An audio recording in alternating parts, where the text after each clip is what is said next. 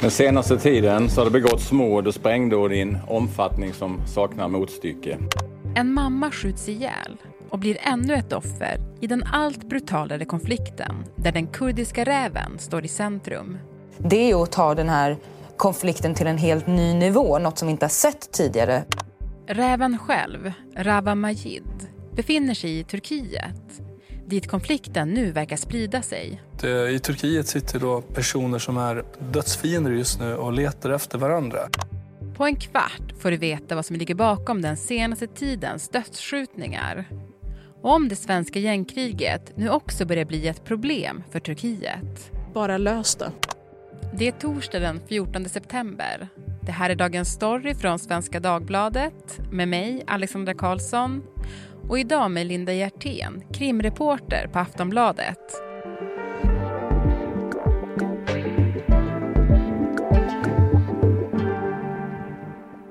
Du Linda, först, vad fint att ha med dig i Dagens Story.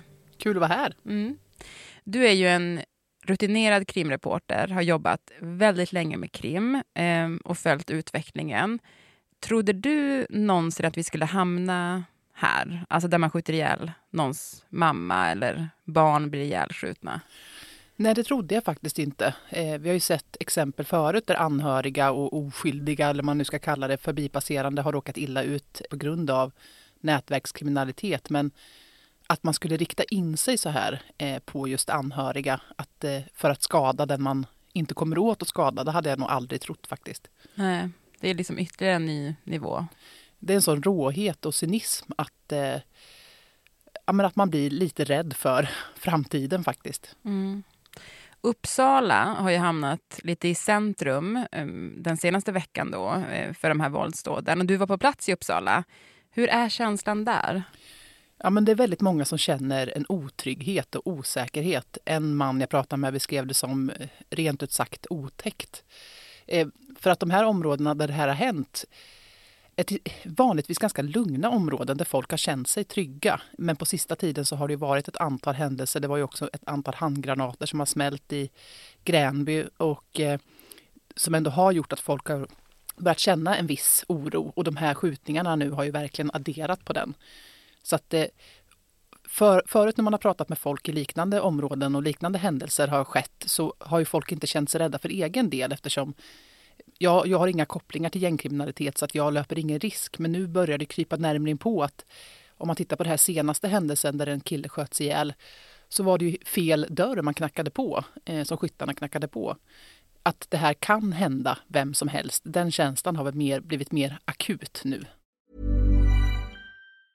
Ryan Reynolds här från Mint Mobile. Med priset på nästan allt som går upp under inflationen, trodde vi att vi skulle bring våra priser down. So to help us, we brought in a reverse auctioneer, which is apparently a thing. Mint Mobile unlimited premium wireless. Ready to get 30, 30, bit to get 30, bit to get 20, 20, 20, bit to get 20, 20, bit to get 15, 15, 15, 15 just 15 bucks a month. So, Give it a try at mintmobile.com/switch. slash $45 up front for 3 months plus taxes and fees. Promo rate for new customers for limited time. Unlimited more than 40 gigabytes per month slows. Full terms at mintmobile.com. Om vi stannar upp lite grann och går igenom de senaste händelserna som har hänt i Uppsala. Kan du hjälpa oss och berätta? Ja, det började för en vecka sedan då en eh, kvinna i 60-årsåldern eh, blev skjuten i bröstet. Det visade sig sen att hon var ju då eh, mamma till en 33-årig man eh, som tidigare var allierad med kurdiska räven. Några dagar senare så sköts det igen och den här gången sköts det mot ett hus. Ingen träffades. Men det man tror var måltavlan i det fallet var en kvinna som då är eh, svärmor till kurdiska räven. Alltså en vedergällning för dödsskjutningen två dagar tidigare är vad man tror. Och sen så sköts det ju igen eh, natten mot eh, igår. Då en eh, man i 25-årsåldern sköts till döds. Eh, och där tror man ju att den egentliga måltavlan var då en eh, släkting till kurdiska räven som bor i samma trappuppgång. Men man tog helt enkelt fel på, på dörr. Och så sköts det ju natt igen. Även där säger polisen att det har en koppling till den här konflikten, men som tur var så skadades ju ingen. Jag kommer smälla varenda trapp, skjuta varenda huvud. Rösten kommer enligt åklagaren från den man som kallas för Kurdiska räven. Jag njuter av det här.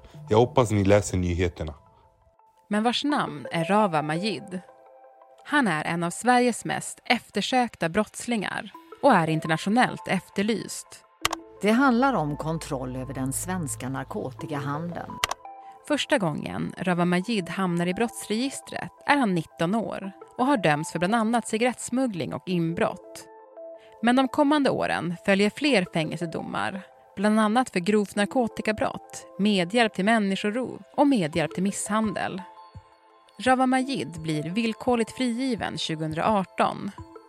Men trots att han står under övervakning av kriminalvården tillåts han lämna Sverige på grund av den akuta hotbilden mot honom.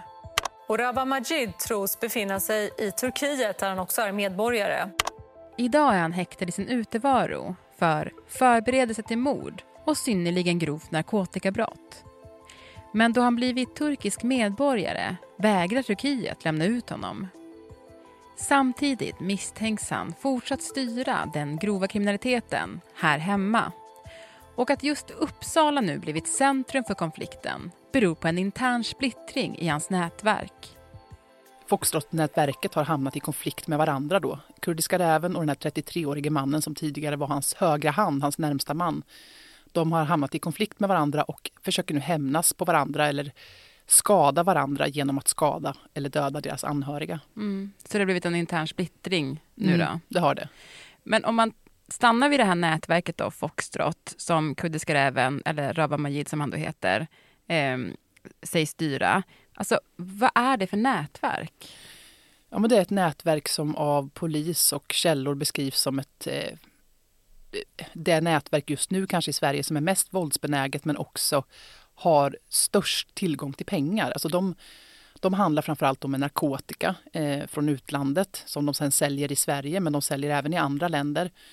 Och eh, många poliser beskriver just att det att de har sån makt just nu är att de har sån enorm tillgång till pengar. Eh, så att de kan förlora ett narkotikaparti här eller där utan att det liksom skadar dem. Och det som man ju också har sett då är ju att Rawa Majid då eh, också har en, en ännu mer cynisk eh, människosyn än vad tidigare gängledare har, har, visat. För han tvekar ju inte att använda barn för att skjuta, och att skjuta andra barn.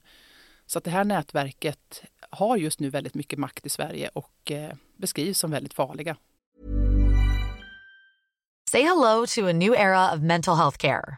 Cerebral is here to help you achieve your mental wellness goals with professional therapy and medication management support. 100% online. You'll experience the all new Cerebral Way, an innovative approach to mental wellness designed around you. You'll get a personalized treatment plan from a therapist, prescriber, or both in a safe and judgment free space.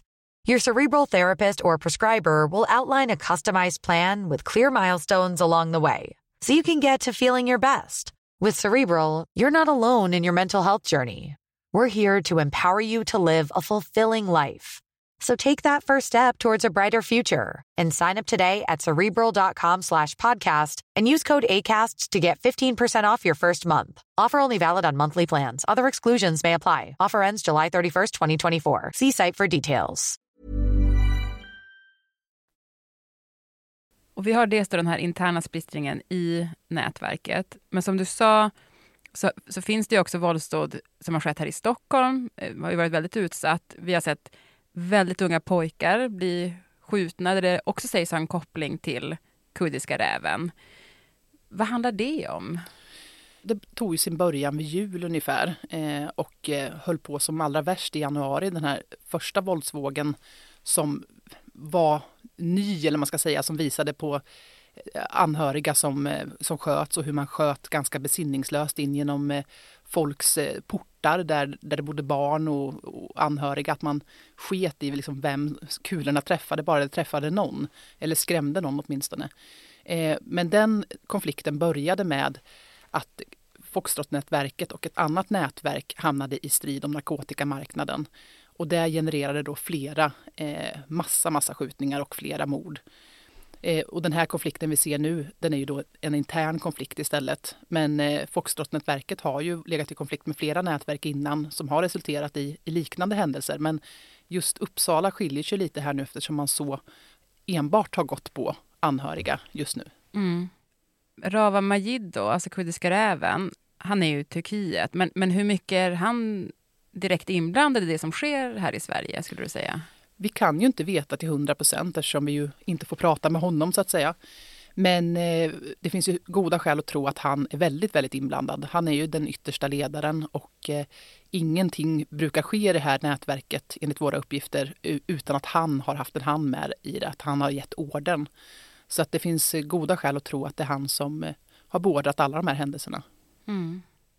Det går ju liksom inte riktigt att ta in, för det är sån liksom ondskat när man hör eller ser de här, det är så unga barn också som är inblandade. Det är liksom, jag vet inte, det går liksom ibland inte att ta in tycker jag. Nej, en polis beskrev det som att han, han har jobbat i över 30 år och liksom aldrig sett den här råheten förut som finns hos till exempel då kurdiska räven. Hur man så eh, besinningslöst liksom, och eh, utan no någon respekt för människoliv överhuvudtaget liksom, ger order om att till och med döda barn. Alltså, det finns ju ett exempel här nu på två unga killar, 14 år, som hittades mördade där man ju enligt våra uppgifter är det då kurdiska räven som har gett order om att de ska eh, mördas. Eh, senare spreds bilder på en av de här killarna när han var död för att skrämma andra barn i nätverket till lydnad. Så att det är ju ja, det, det är nattsvart. Mm. Om man tar kurdiska räven då. Han lämnade ju Sverige 2018 och har sedan då fått turkiskt medborgarskap och Turkiet lämnar inte ut honom. Men som jag förstår det eh, så har det på senaste tiden också kom, alltså att konflikten också kommit till Turkiet. Ja, som vi har fått berättat för oss så inleddes den här konflikten som vi nu ser, eh, skjutningar i Uppsala, inleddes i Turkiet med ett antal våldsdåd eh, mellan då, riktade mellan den här 33-åriga före detta högra handen och eh, den kurdiska räven. Eh, det sista våldsdådet då ledde till att eh, kurdiska räven då beordrade att 33-åringens mamma skulle skjutas. Och det var så det flyttade över till Sverige för att de antagligen inte kom åt varandra längre i Turkiet just nu. Mm, okay. Och då försöker man komma åt varandra genom att skada anhöriga istället. Mm. Men, men, den här utvecklingen då att det ändå börjar ske dåd i Turkiet också. Tror du att det skulle kunna ändra Turkiets inställning? Antingen att lämna ut räven eller att ställa honom inför rätta i Turkiet? Man kan ju hoppas det. För att hittills så har ju Turkiets insatser varit ganska små. Alltså de har en turkisk, han har ju turkiskt medborgarskap nu. Eh, så länge som han sköter sig i deras land så eh, bekymrar ju inte han dem på det sättet. Eh, han är inte någonting annat än en ska man säga, diplomatisk angelägenhet. Liksom, men han har ju inte påverkat deras land på det sättet. Om det nu blir så här att, att våldsdåd även börjar ta upp liksom, den turkiska polisens liksom, eh, kraft och eh, personalstyrka, liksom, då är det ju mycket möjligt att det kan ändra Turkiets vilja att, att eh, lämna ut honom. Mm. Det vi såg här tidigare i veckan det var ju att eh, frågan om kurdiska räven även har blivit en stor inrikespolitisk fråga. När riksdagen öppnade eh, tidigare här i veckan så sa vänsterledaren Nooshi Dadgostar till TV4 att regeringen misslyckats som inte då lyckats få räven utlämnad. Bara lös det. Inget annat land hade accepterat att en eh, person med så många liv på sitt samvete lever lyxliv och lever som en kung i Turkiet eh, och eh, regeringen inte bara gör någonting. Nu är, det, nu är det dags att lösa det. Och sen sa vice statsminister Ebba Busch i en intervju till din tidning Aftonbladet att man skulle ja, men till och med kunna komma att dra in biståndet till Turkiet. Vi kan höra. Vi utesluter ju heller inte att använda biståndsmedel som påtryckning. Bistånd ska gå till dem i nöd, bistånd ska gå till utveckling, men bistånd ska inte gå till länder som vägrar ta ansvar för sina eh, medborgare, som utsätter svenska folket för, för eh, terrorliknande handlingar. Det här uttalandet backade ju Ebba Busch från sen. Vet du vad det var som hände? Nej, jag gör inte det. Eh, men antagligen så tyckte vi kanske inte andra regeringspartier att det här var ett, ett så bra uttalande med tanke på ja, men det ganska spända läget mellan Sverige och Turkiet. Ja, vi får väl se vad det, vad det utvecklas till för att eh, inget parti vill ju riktigt ge raka svar på det här.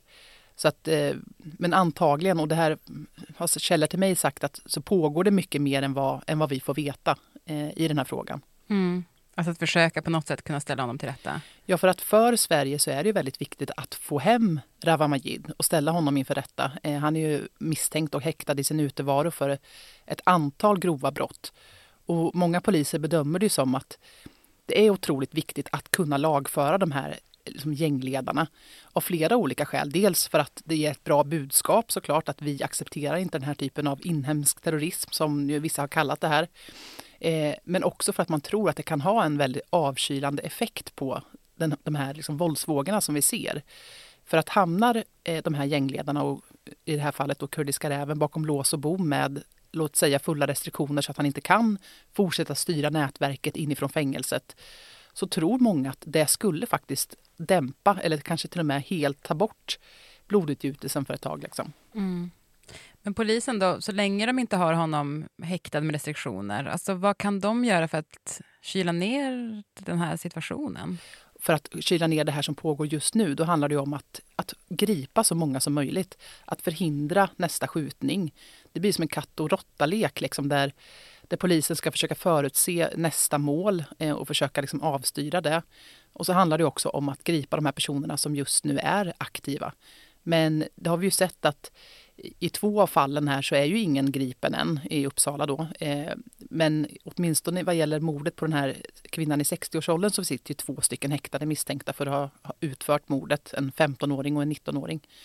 Och allt det där är ju av betydelse för att inte för att det är så särskilt stor sannolikhet att de här killarna kommer prata. Det gör de ju sällan, eh, de här gängkriminella. När de väl eh, hamnar liksom bakom lås och bom så, så vägrar de ju prata med polisen.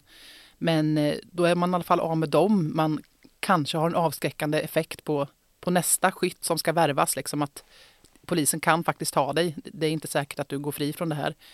Men eh, det är ett jättesvårt arbete som polisen har just nu. Det är därför de har gjort det här till en särskild händelse nu för att få mer resurser. För att nu handlar det om att verkligen liksom ligga på eh, och att försöka förutse och det är ju jättesvårt. Mm. Till sist Linda, vad, vad, tror du kommer hända framåt? Man hoppas ju att eh, det här ska få ett slut snart. Eh, att eh, 33-åringen och kurdiska räven tar sitt ansvar och liksom eh, stoppar det här nu. Men det är väl inte så särskilt stor sannolikhet tyvärr. Så att det som ju jag tror och som ju eh, många poliser tror är ju tyvärr att vi inte har sett den sista skjutningen i Uppsala än i den här konflikten. Och vi har inte sett den sista skjutningen i Sverige än såklart heller.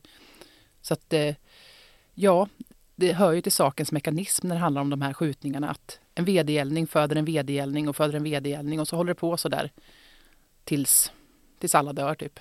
Mm. Usch. Ja, jag vet inte hur vi ska avsluta. Det är så, men vi, jag är jätteglad att du var här och berättade och gav oss liksom kunskap. Men eh, ja, det finns nästan inga ord tycker jag för det här. Nej, vi får hoppas att det blir en, eh, en ljusare höst än vad den har börjat i alla fall. Mm, det får vi verkligen. Tack så jättemycket. Tack så mycket. Och producent för dagens avsnitt var Alma Hogenäs, redaktör Stina Fischer och om du vill kontakta oss så mejla då till dagensstory.svd.se.